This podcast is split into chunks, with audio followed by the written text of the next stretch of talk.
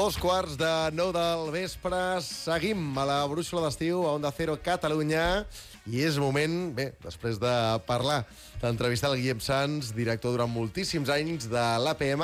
Ara rebem el David Montufo, periodista del món de la tele, expert en televisió, analista de televisió. Com estàs, David? Benvingut. Molt bona tarda. Doncs amb moltes ganes d'estar aquí amb tu i de parlar de tele, que és el que m'agrada. I tant, que... tot i que estem a la ràdio, però són dos mitjans que, que s'estimen i, que, i que conviuen. Completament. I també tenim per aquí el eh, Albert Postils. Com estàs, Albert? Què tal, Marco? Ganes d'escoltar el David, que és Sí. un pou de saviesa en això de la tele. Exacte, Sí. al final ell és expert, eh? Nosaltres estem aquí escoltant, expectants, i a veure quines notícies eh, ens portes. De moment, ens portes una cancel·lació.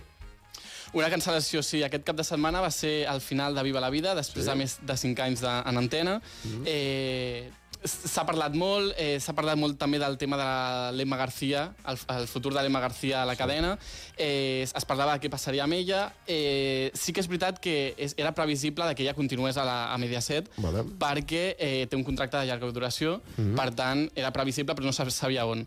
Finalment s'ha vist que ella eh, tindrà un nou programa a mitjans de setembre. Els, Vale. vale. els seus superiors han confirmat que tindrà un programa. Encara no se sap si serà el cap de setmana o entre setmana, però bueno, sap que té feina a partir de setembre. I el motiu de la cancel·lació? El motiu de concessió ha sorprès bastant perquè les audiències sí que és veritat que eh, bueno, lideraven alguns dies, altres no, però estaven traient unes audiències bastant estables.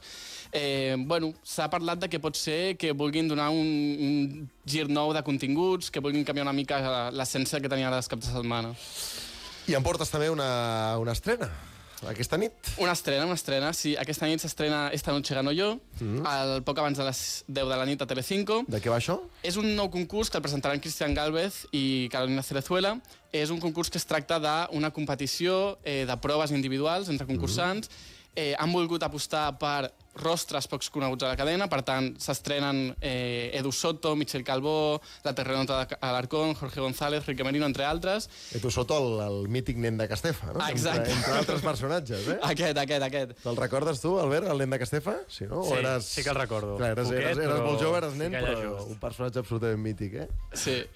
I bueno, veurem una mica doncs, enfrontar-se a proves individuals, però a la vegada hi haurà dos equips. Eh, els presentadors a la vegada també seran contrincants, perquè seran els líders dels equips, i llavors cada setmana s'hauran d'enfrontar a diferents proves, i eh, al final de tot hi haurà un equip que serà el que guanyi a final de temporada, i entre els concursants del mateix equip serà un dels guanyadors el que podrà dir esta noche gano jo. Proves físiques, eh? Proves físiques, exacte, sí. Sí, sí, sí, sí. Per tant, haurà de ser un plató gran, eh? Sí, veurem com surt, perquè que- sabem que, bueno, que, que, bueno, que, que hi, ha, hi ha hagut molts dubtes de com serà aquest programa, eh, però bueno, aviam què tal, tu, aviam què tal. Albert, als concursos? Jo, mira, el Grand Prix, que ja sé que té molts anys, però a nivell de proves físiques és com el primer record que És tinc, veritat, no? La, és aquesta nostàlgia que també parlàvem Sí, l'altre sí, dia. sí, sí, sí. És el que més tinc. I de concurs de preguntes, preguntes, no sé, David, tu, si tens algun preferit o algun que diguis aquest m'ha encantat, però jo, El Cazador, de Televisió Espanyola, ostres, eh, jo m'he enganxat molt i eh, trobo que està molt ben pensat i molt ben muntat, perquè sempre tenim el clàssic de les preguntes, el que ser milionari, etc. Però el Cazador trobo que està molt ben pensat i m'ha enganxat molt. La veritat que sí, jo coincideixo amb tu, eh?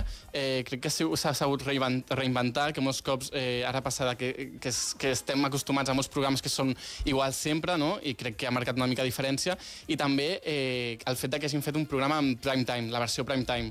No? Crec que compten amb rostres bastants coneguts, altres programes com Passa Palabra, per exemple, entre altres, i jo crec que això, doncs, apostar per aquest tipus de concursos també està bé, no? El Una- programa de, del Cazador, aquest de Televisió Espanyola, en què consisteix? Eh, es, fan, es fan diverses preguntes. O sigui, és, és com que junta, junta cultura, principalment és cultura, i es van llançant, hi ha diferents fases durant el programa, i eh, ara mateix crec que estan amb rostres coneguts, no? Crec que eh, persones que han concursat a concursos que, que han durat moltíssim, eh, a Passapalabra, i entre altres concursos d'aquest Saber i Ganar, eh, i ara mateix estan allà ells fent ja, ja la figura de la persona més coneguda eh, dins d'aquest món amb concursants que no són coneguts, que són anònims. Parlant de cultura i televisió, com deien a l'APM, la televisió és cultura. Sí. Què et sembla, tu, l'APM, la marxa del, del Guillem Sans, com ho veus? Um, a mi m'agrada bastant. Jo crec que que sempre està bé donar-li... Jo crec que la cultura, donar-li un toc de- d'humor, jo crec que és intel·ligent, no? Jugar una mica eh, i fer entreteniment a partir de la cultura, sempre eh, apostant per fer-ho de diferents maneres. Jo crec que combinant cultura i entreteniment és una bona forma de- de- de- d'apropar a la gent eh, doncs, curiositats i...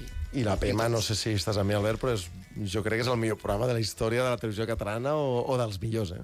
Sí, està allà al top 3 segur, eh? Segur, perquè és que segur. és increïble. I com el pensen i com fan els talls i com està muntat, no? Des de la sala de màquines, que el Guillem també diu que té aquest perfil més discret darrere. Ostres, muntar tot això, m'agradaria estar un dia eh, dins, sense fer res, a un racó, mirant com ho preparen tot, perquè deu ser increïble. Sí, sí, jo per això li preguntava, no? Com, com ho prepareu, no? Que tenen gent, evidentment, veient tot el dia la, la televisió. Uh, notícies uh, importants. Sonsoles Ònega, per mi una de les millors presentadores que hi ha ara mateix a la, a la televisió espanyola, marxa de Mediaset i ve cap a, cap a aquest grup, cap a Antena 3. Així és, eh, sorprenia fa un parell de setmanes que de cop d'un dia per un altre ja no estava a Llars Mediodía i es va anunciar que fitxava per a 3 Media. Concretament se sap que serà per un programa de magazine que presentarà ella que s'estrenarà la propera temporada i ja s'està preparant el, el programa. El que no se sap és en quina franja horària. No sé què penseu vosaltres, eh, s'ha parlat molt de que podria ser pels matins a l'última part del que és Espejo Público ara, que podria encaixar allà, o per les tardes en substitució de Boom, o pels caps de setmana. Jo penso que anirà pels, mati eh, pels matins després d'Espejo És a dir, Público. com el que feia ja és mediodía a Telecinco, no? Exacte. El mateix, Jo mateix penso que concepte, sí, no? jo penso que sí. Home, eh, no ho sé, no ho sé, però eh, segurament el que faci ho farà bé perquè és que és molt bona, és molt bona, molt completa, molt natural, molt simpàtica de la, de la càmera, molt intel·ligent i filla, a més a més, d'un gran periodista, no? el Fernando Ònega, d'aquesta ràdio, però jo crec que li anirà bé. Però el motiu de la marxa, he llegit que a Telecinco tenia contracte de reportera, encara. Això és cert. S'ha comentat, S'ha s'han fet comentaris. Jo crec que... Em sorprèn, eh? Ja, ja, ja, ja. És sorprenent, eh? eh de fet, no és l'única del, del mateix programa que ha marxat eh, i es parlava d'això, de, que, bueno, de que les condicions han millorat, l'han fet una nova proposta, un nou format, i, i bueno, mm, les condicions millorarien a 3 Media ara mateix. Sí, segur, segur que Antena 3 té contracte de, de presentadora, que és el que, el que mereix. I una altra novetat, una altra marxa, és la de Marc Calderó, un altre que abandona també a Telecinco, en aquest cas marxa a Televisió Espanyola, i també així de manera molt, molt inesperada. Totalment, com deia l'altre dia, bueno, en exclusiva anunciava Fórmula TV, eh, ha deixat ja Mediodía, s'ha anat a Ràdio Televisió Espanyola i també per, per presentar un programa en, el mateix, en la mateixa franja horària que presentava ara ja Mediodía, mm -hmm. en substitució de, de Sonsoles Ònega. Mm -hmm. eh, S'ha dit de que no ho presentarà ell sol, eh, ho presentarà concretament amb Lourdes Maldonado, que va sortir fa un any de Telemadrid, i bueno, veurem què tal. Eh, S'ha de dir que la franja aquesta de la U és una franja maldita, no? perquè hem vist que eh, estava el programa de Menudos Torres, Les coses clares, Mejor contigo... Són programes que s'han estrenat i que no han funcionat gaire bé i bueno, aviam si ara, eh, pues, eh, ju- ajuntant una mica actualitat, entreteniment, aconsegueixen eh, doncs, tenir un altre cop eh, les audiències que esperen. És molt bo, el Marc.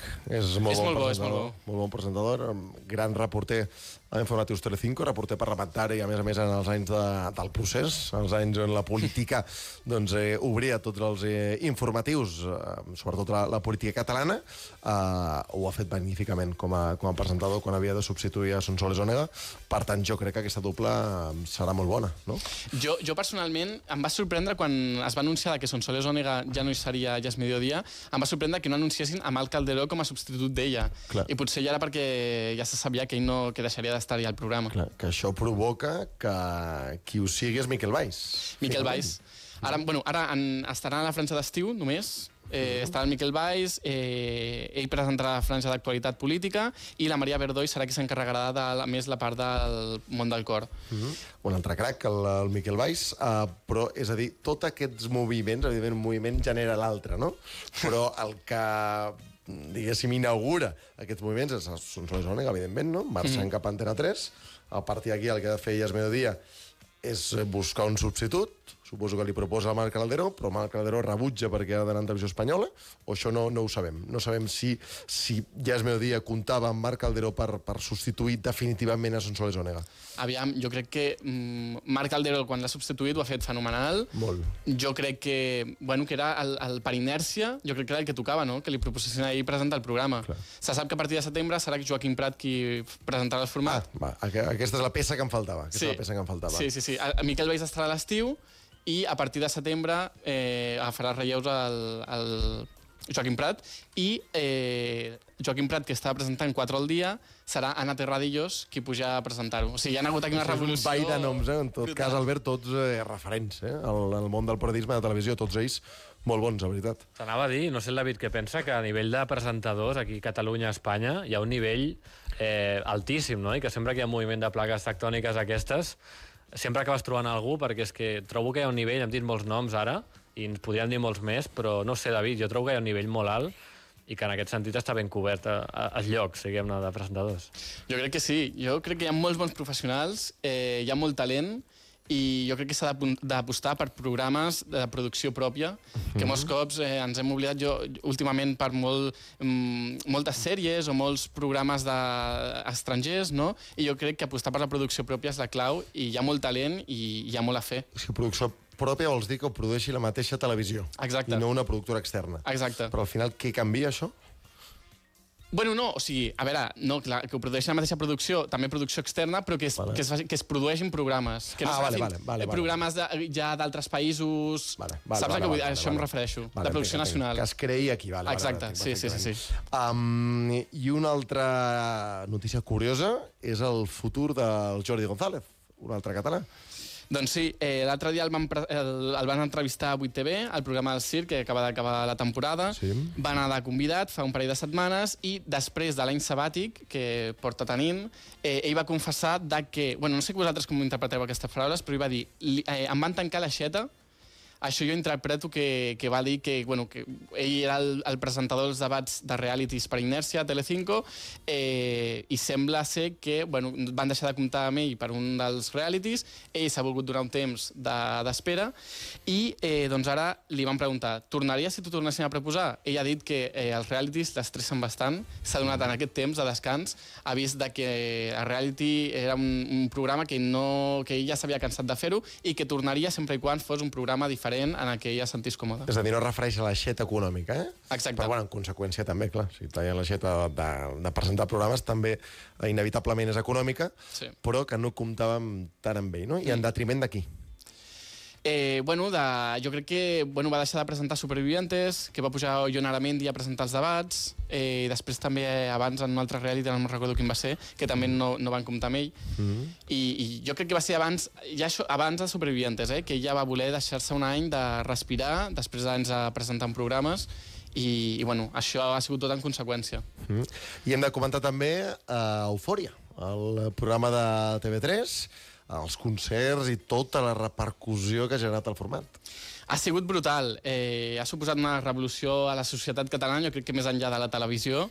Jo quan escolto barbaritats com és que ja ningú mira la tele, eh, em poso les mans al cap, perquè, que, no sé, hi ha programes que els mira absolutament tothom i altres que els mira més gent, però la tele continua sent un mitjà molt vist. Evidentment hi ha més competència, hi ha més mitjans, també hi ha més demanda, però hi ha moltíssima gent que mira la televisió i hi ha programes que es fan actualment que són un èxit rotund i Eufòria ha estat un exemple, no? Totalment. Eh, a veure, sí, clar, que si fem la comparació amb anys enrere, Eh, que, que marcava audiències que eren mm, autèntiques brutalitats, clar, hi ha hagut un canvi, però tot i així és que seguim parlant de molta, moltes persones i de número d'espectadors molt, molt elevats. En aquest cas, per exemple, Eufòria eh, ha mantingut una mitjana entre 300.000 i 400.000 els eh, espectadors a cada gala.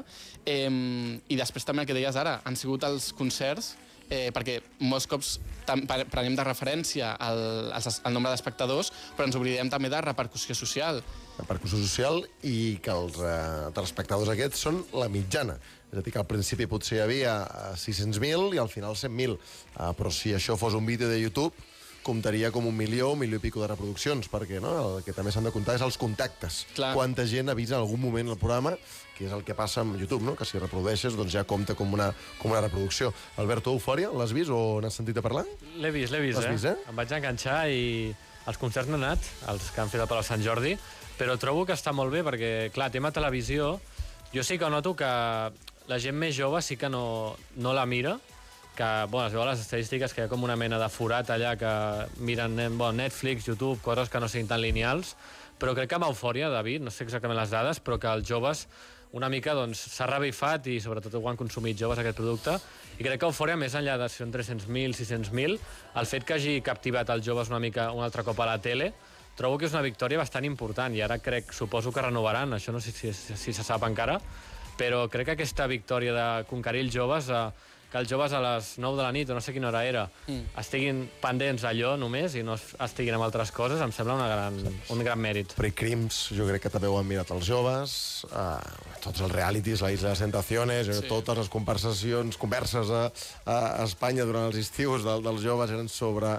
sobre el que passava en aquest reality, la Operació Triunfo, Eh, els últims Operació Triunfo també ho ha vist eh, moltíssima gent jove, simplement que ara la gent jove té més ofertes, per tant hi ha menys jove que mira la televisió, però hi ha molta gent jove que jo crec que encara mira la televisió o la, o que la consumeix d'una manera diferent, perquè al final li acaba arribant, eh, si tu entres a TikTok, per exemple, hi ha molt contingut televisiu a TikTok, de, de les grans cadenes són eh, continguts que es viralitzen per TikTok o Twitter.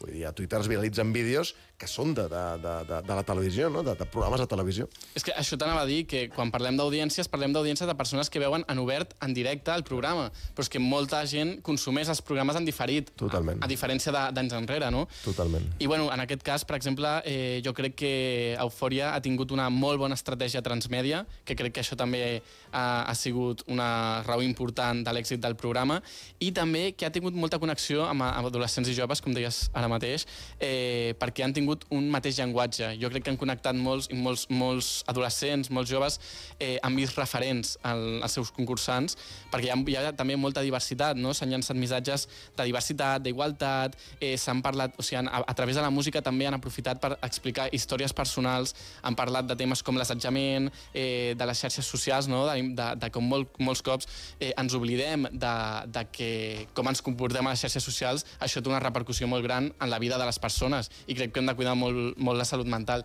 i aprofitar programes d'entreteniment per poder parlar d'aquests temes, jo crec que també està molt bé. I parlant de joves i televisió, la Voz Kids també ha estat un, un èxit, no? Ha estat tot un èxit, eh, la veritat que sí. Eh, bueno, ha acabat ja la temporada, va acabar la setmana passada, i eh, va guanyar, ara no me'n recordo el nom del noi que va guanyar... Un nen de, de Pablo López, pot ser? O... Sí, crec, sí. crec que sí, ara no recordo exactament. Jo aquí és eh? que tinc aquí a l'Helena Hernández, que crec que es fan... Entra, entra, que entri l'Helena Hernández, que és eh, redactora d'aquest programa, i ja aviam què ens diu, però té moltes ganes de dir-nos alguna cosa sobre la Voz Kids, des de control tècnic, al costat del Dani Sánchez, s'ha aixecat i ha dit, no, no, no, que us he de dir una cosa. Helena, bona tarda, com bona estàs? Bona tarda. Bé, molt bé. El noi que ha ganat, bueno, el Sí, nen es sí. diu Pol Calvo. Pol Calvo. Mm. Va fer una super actuació, bueno, la pell de gallina. Sí? I la veritat que eh, jo recomano a tothom que vegi la final, si no l'ha vist ja, que, com estàveu dient, es pot veure per YouTube, es pot, es pot veure per A3 Player. O sigui que hi ha moltes opcions de veure-ho i segur que gaudireu molt com vaig gaudir-hi jo. I és fill, o entès malament, és fill de Pablo López? No, no, no, no. Del no. cantant? Ah, res a no, veure. res a veure. Vale. Com sabeu, a la Voz Kids, bueno, el mateix que a la Voz, hi ha uns coats, i en aquests coats Ah, vale, vale, vale, vale, vale, vale, vale, ho he entès fatal, ho he entès fatal. Era un dels eh, nens eh, que ha dirigit o, o, o eh, diguéssim, Sí. no sé quin és el verb de, coach, eh? Bueno, però, però sí. diguéssim dirigit, dirigit per al cantant Pablo López. Vale, vale, Exacte, perfectament. sí, sí. I bueno, va ser una, una final espectacular on estava també l'Aitana, el Sebastián Llatra, que estaven com a, com a coach, i ja us dic, a mi no sóc molt fan de la voz, perquè és cert que la veig de tant en quant, també els meus horaris que no m'ho permeten, Clar. però quan ho veig és que m'emociona tant, o sigui, els nens com canten, bueno, i també us dic que a mi la música, espectacular. I quina edat tens tu, Helena? Jo 22 anys. Doncs mira, que la gent jove no mira la, la televisió. Um, Hi ha un mes, hi ha un mes que... Ah, ah, ja ho fes, ja, eh? Uh, David, uh, ja per acabar, polèmica amb Albert Lassan. Uh, Rocco, un expert, uh, un company teu, analista televisiu, anuncia que Dana i Sanabra fitxa per 8TV per substituir Rondeando i a partir d'aquí ell es torna boig. Doncs sí. Aviam, va ser dijous passat quan en Rocco publicava a Twitter eh, com a exclusiva que fitxava Dani Senabre per 8TV per presentar un programa d'esports de la franja de 8 i mitja a 9 i mitja, que era la franja on estava Rondeando, presentat per l'Albert Lesan, i a més el, més el tuit afegia molts encerts. Mm -hmm. Clar, això ho va veure l'Albert Lesan, es va pujar per les parets eh, i va respondre, llegeixo textualment... Literalment, eh? Literalment. Eh, mentira. Una noticia dada por una mala persona. No hay nada. Estamos negociando y es de mal tío lo que estás haciendo. Molt bé, o sigui, acusant-lo de, de mala persona. Exacte. A més a més, eh, si no tinc entès malament, també li va trucar i li va dir de tot. Vale. Eh, llavors, l'Albert Sant, a més a més de eh, respondre-li, va assegurar de la, eh, que la desaparició del Rondeando no, exist, eh, no existiria, sinó que s'emetria a la tele i a les xarxes socials, no se sap on, però que seguiria eh, en antena, i que estava en negociacions amb el Nicola Pedrazzoli. 24 hores des després es va confirmar que era així. Que Dani Sanabra eh, fitxava per 8TV, o, si més no, si més no, que Albert Lessan abandonava 8TV. Exacte. Mm. Eh, es va llançar un comunicat eh, on deia ell que no seguiria 8TV, cosa que ell diu que això dijous no se sabia, Clar. sinó que la precipitació de la notícia va, va fer que, bueno, que tot s'avancés una mica. Eh, diu que té una relació estupenda amb la cadena, que han arribat a un acord perquè el programa desaparegui amistosament, però que a ell no li, no li va agradar de que el Rocco s'avancés i donés la notícia. Clar, no li va agradar el moment no, en el qual el Rocco va dir, quan les converses potser encara no, no havien acabat. Eh? No sé si algú va filtrar aquella informació, en tot cas, eh, finalment, ah, i el que no ha confirmat Dani Sanabra és que fitxi per 8TV. Crec que ell no ho ha confirmat. Crec que no s'ha pronunciat. A hores d'ara jo, jo crec que no. Dani Sanabra, recordem, eh, presentador del Tu diràs, eh, eh, durant molts anys a, a RAC1, un dels millors periodistes, eh, jo crec, que esportius que hi ha a Catalunya, que substitueix un programa, el d'Albert Lesan, que ha estat un dels eh, punters de, de 8TV, ha fet eh, bones audiències. Inclús un cop va arribar a superar, crec que TV3, eh, fent un 7,3%. Sí, no? la remissió va fer un 7,5, que és el rècord de la història de, de 8TV.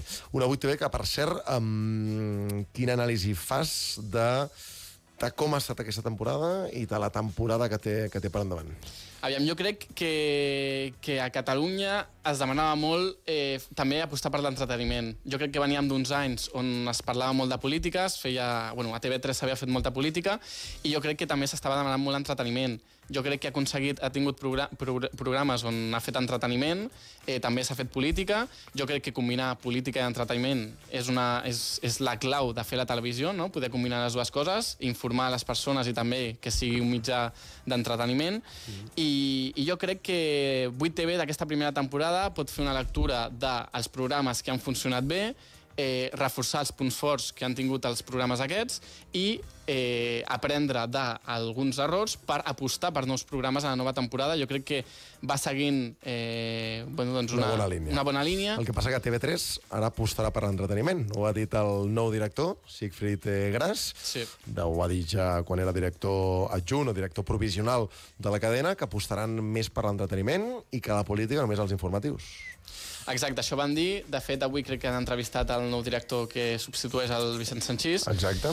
I, i bueno, això és una mica la intenció de TV3, apostar per més entreteniment, deixar la política pels informatius i després també apostar per Super 3, que en els darrers anys s'havia oblidat molt i, i bueno, eh, jo crec que molta gent recorda la nostàlgia d'aquell Super 3 eh, on, on quan érem petits veiem les sèries, veiem els personatges no?, que es van fer mítics. A vosaltres, Helena Albert, us va agafar el Super 3? Sí, a mi sí. O sigui, a veure, em va agafar sobretot per les meves germanes. Jo sóc la petita de 3 mm. i, clar, doncs elles sí que eren més de veure Super 3 i tal, i jo anava veient una mica doncs, el que anaven veient elles, no? Però sí que és cert que estic molt a favor d'aquest canvi de mirada que li estan donant, no? O sigui, crec que està bé la política, a la gent que li agradi, però no ens oblidem que tothom veu la tele, bueno, jo no, però no m'ho tingueu en compte. però eh, sí que és cert que, eh, que això és un punt molt a favor per als nens, perquè per donar cultura, que se'ns està oblidant de donar-li cultura a, a la infància i als adolescents i a, els estem polititzant d'una manera que no fa falta. Albert? Sí, jo també, eh? molt, molt fan de Super 3. I el tema de la llengua, que sempre planeja, no? el tema de, del català i tal, que també hi ha molt el tema de bola de drac, no? que molta gent comentava, ara no hi ha bola de drac i potser la gent... Pot, trobo que també a nivell del català també potser pot ajudar el tema de Super 3 que es reactivi una miqueta. I tema polític, entenc que el tema del fax, que, que el treuen, etc també va en aquest eh, sentit, no? de, de no parlar tant de política, fer més entreteniment i no sé si hi ha alguna pista de què substituirà el fax o hi ha alguna informació, no ho sé. Sí. Eh, es fa un nou programa que el produeix la Manchester i és un programa que apostarà per entreteniment. Jo, sincerament, no sé el tipus de contingut. És el de Ricard Ostrell? O, Sí. o no? És el de sí, Ricard Ostrell? Sí, sí, sí. sí, sí. Sí, I- el i- que han dit és uh, entreteniment. El que segur no serà és política, no? No serà com el fax. Això segur, això segur. I el Ricard Ostrell que ha presentat uh, aquesta temporada al Planta Baixa, no? cada Sí. migdia a TV3, i que té aquest eh, repte per davant que és, eh, que és complicat, no? Però clar, si TV3 aposta ara per l'entreteniment i dies que 8TV havia d'apostar per l'entreteniment, ara què ha de fer 8TV? Potser reaccionar apostant més per la política, aprofitant que TV3 fa aquest gir cap a l'entreteniment? A veure, jo crec que apostar per la política està bé, jo crec que està bé que es tracti de política, però que no s'oblidi de l'entreteniment. Jo crec que l'entreteniment va de- també tenir present. Eh, per exemple, el circ. El circ ha, ha sigut un èxit, a 8TV també, eh, i jo crec que combinant política i entreteniment és la clau. Fran Blanco continua, no? A partir del setembre, Eh, jo tinc entès que sí. tot continua. Ara, ara presentarà a l'estiu... Exacte, estarà a Telecinco durant aquest estiu, però. Mm. a partir del setembre torna, torna a 8TV. Sí, sí, sí, L'Ares sí. Teixidor crec que també continuarà Amb la Sexual Revolution... i hi haurà va dir el Nicola Pedretzoli que hi haurien sorpreses. Hi haurà sorpreses. Bastants sorpreses. I alguna cosa es parla, però, bueno, aviam la què passa. propera, la propera setmana ens expliques alguna sorpresa aquestes de, de 8TV, et poso la missió d'assabentar-te, aviam eh, què és el que farà 8TV a les eh, properes setmanes o a partir del, del setembre. David Montufo, periodista del món de la tele, gràcies i fins la setmana que ve i que visca la televisió i visca la ràdio una mica més, va, que la I televisió, que però la sí, televisió i també. sí. Gràcies, David.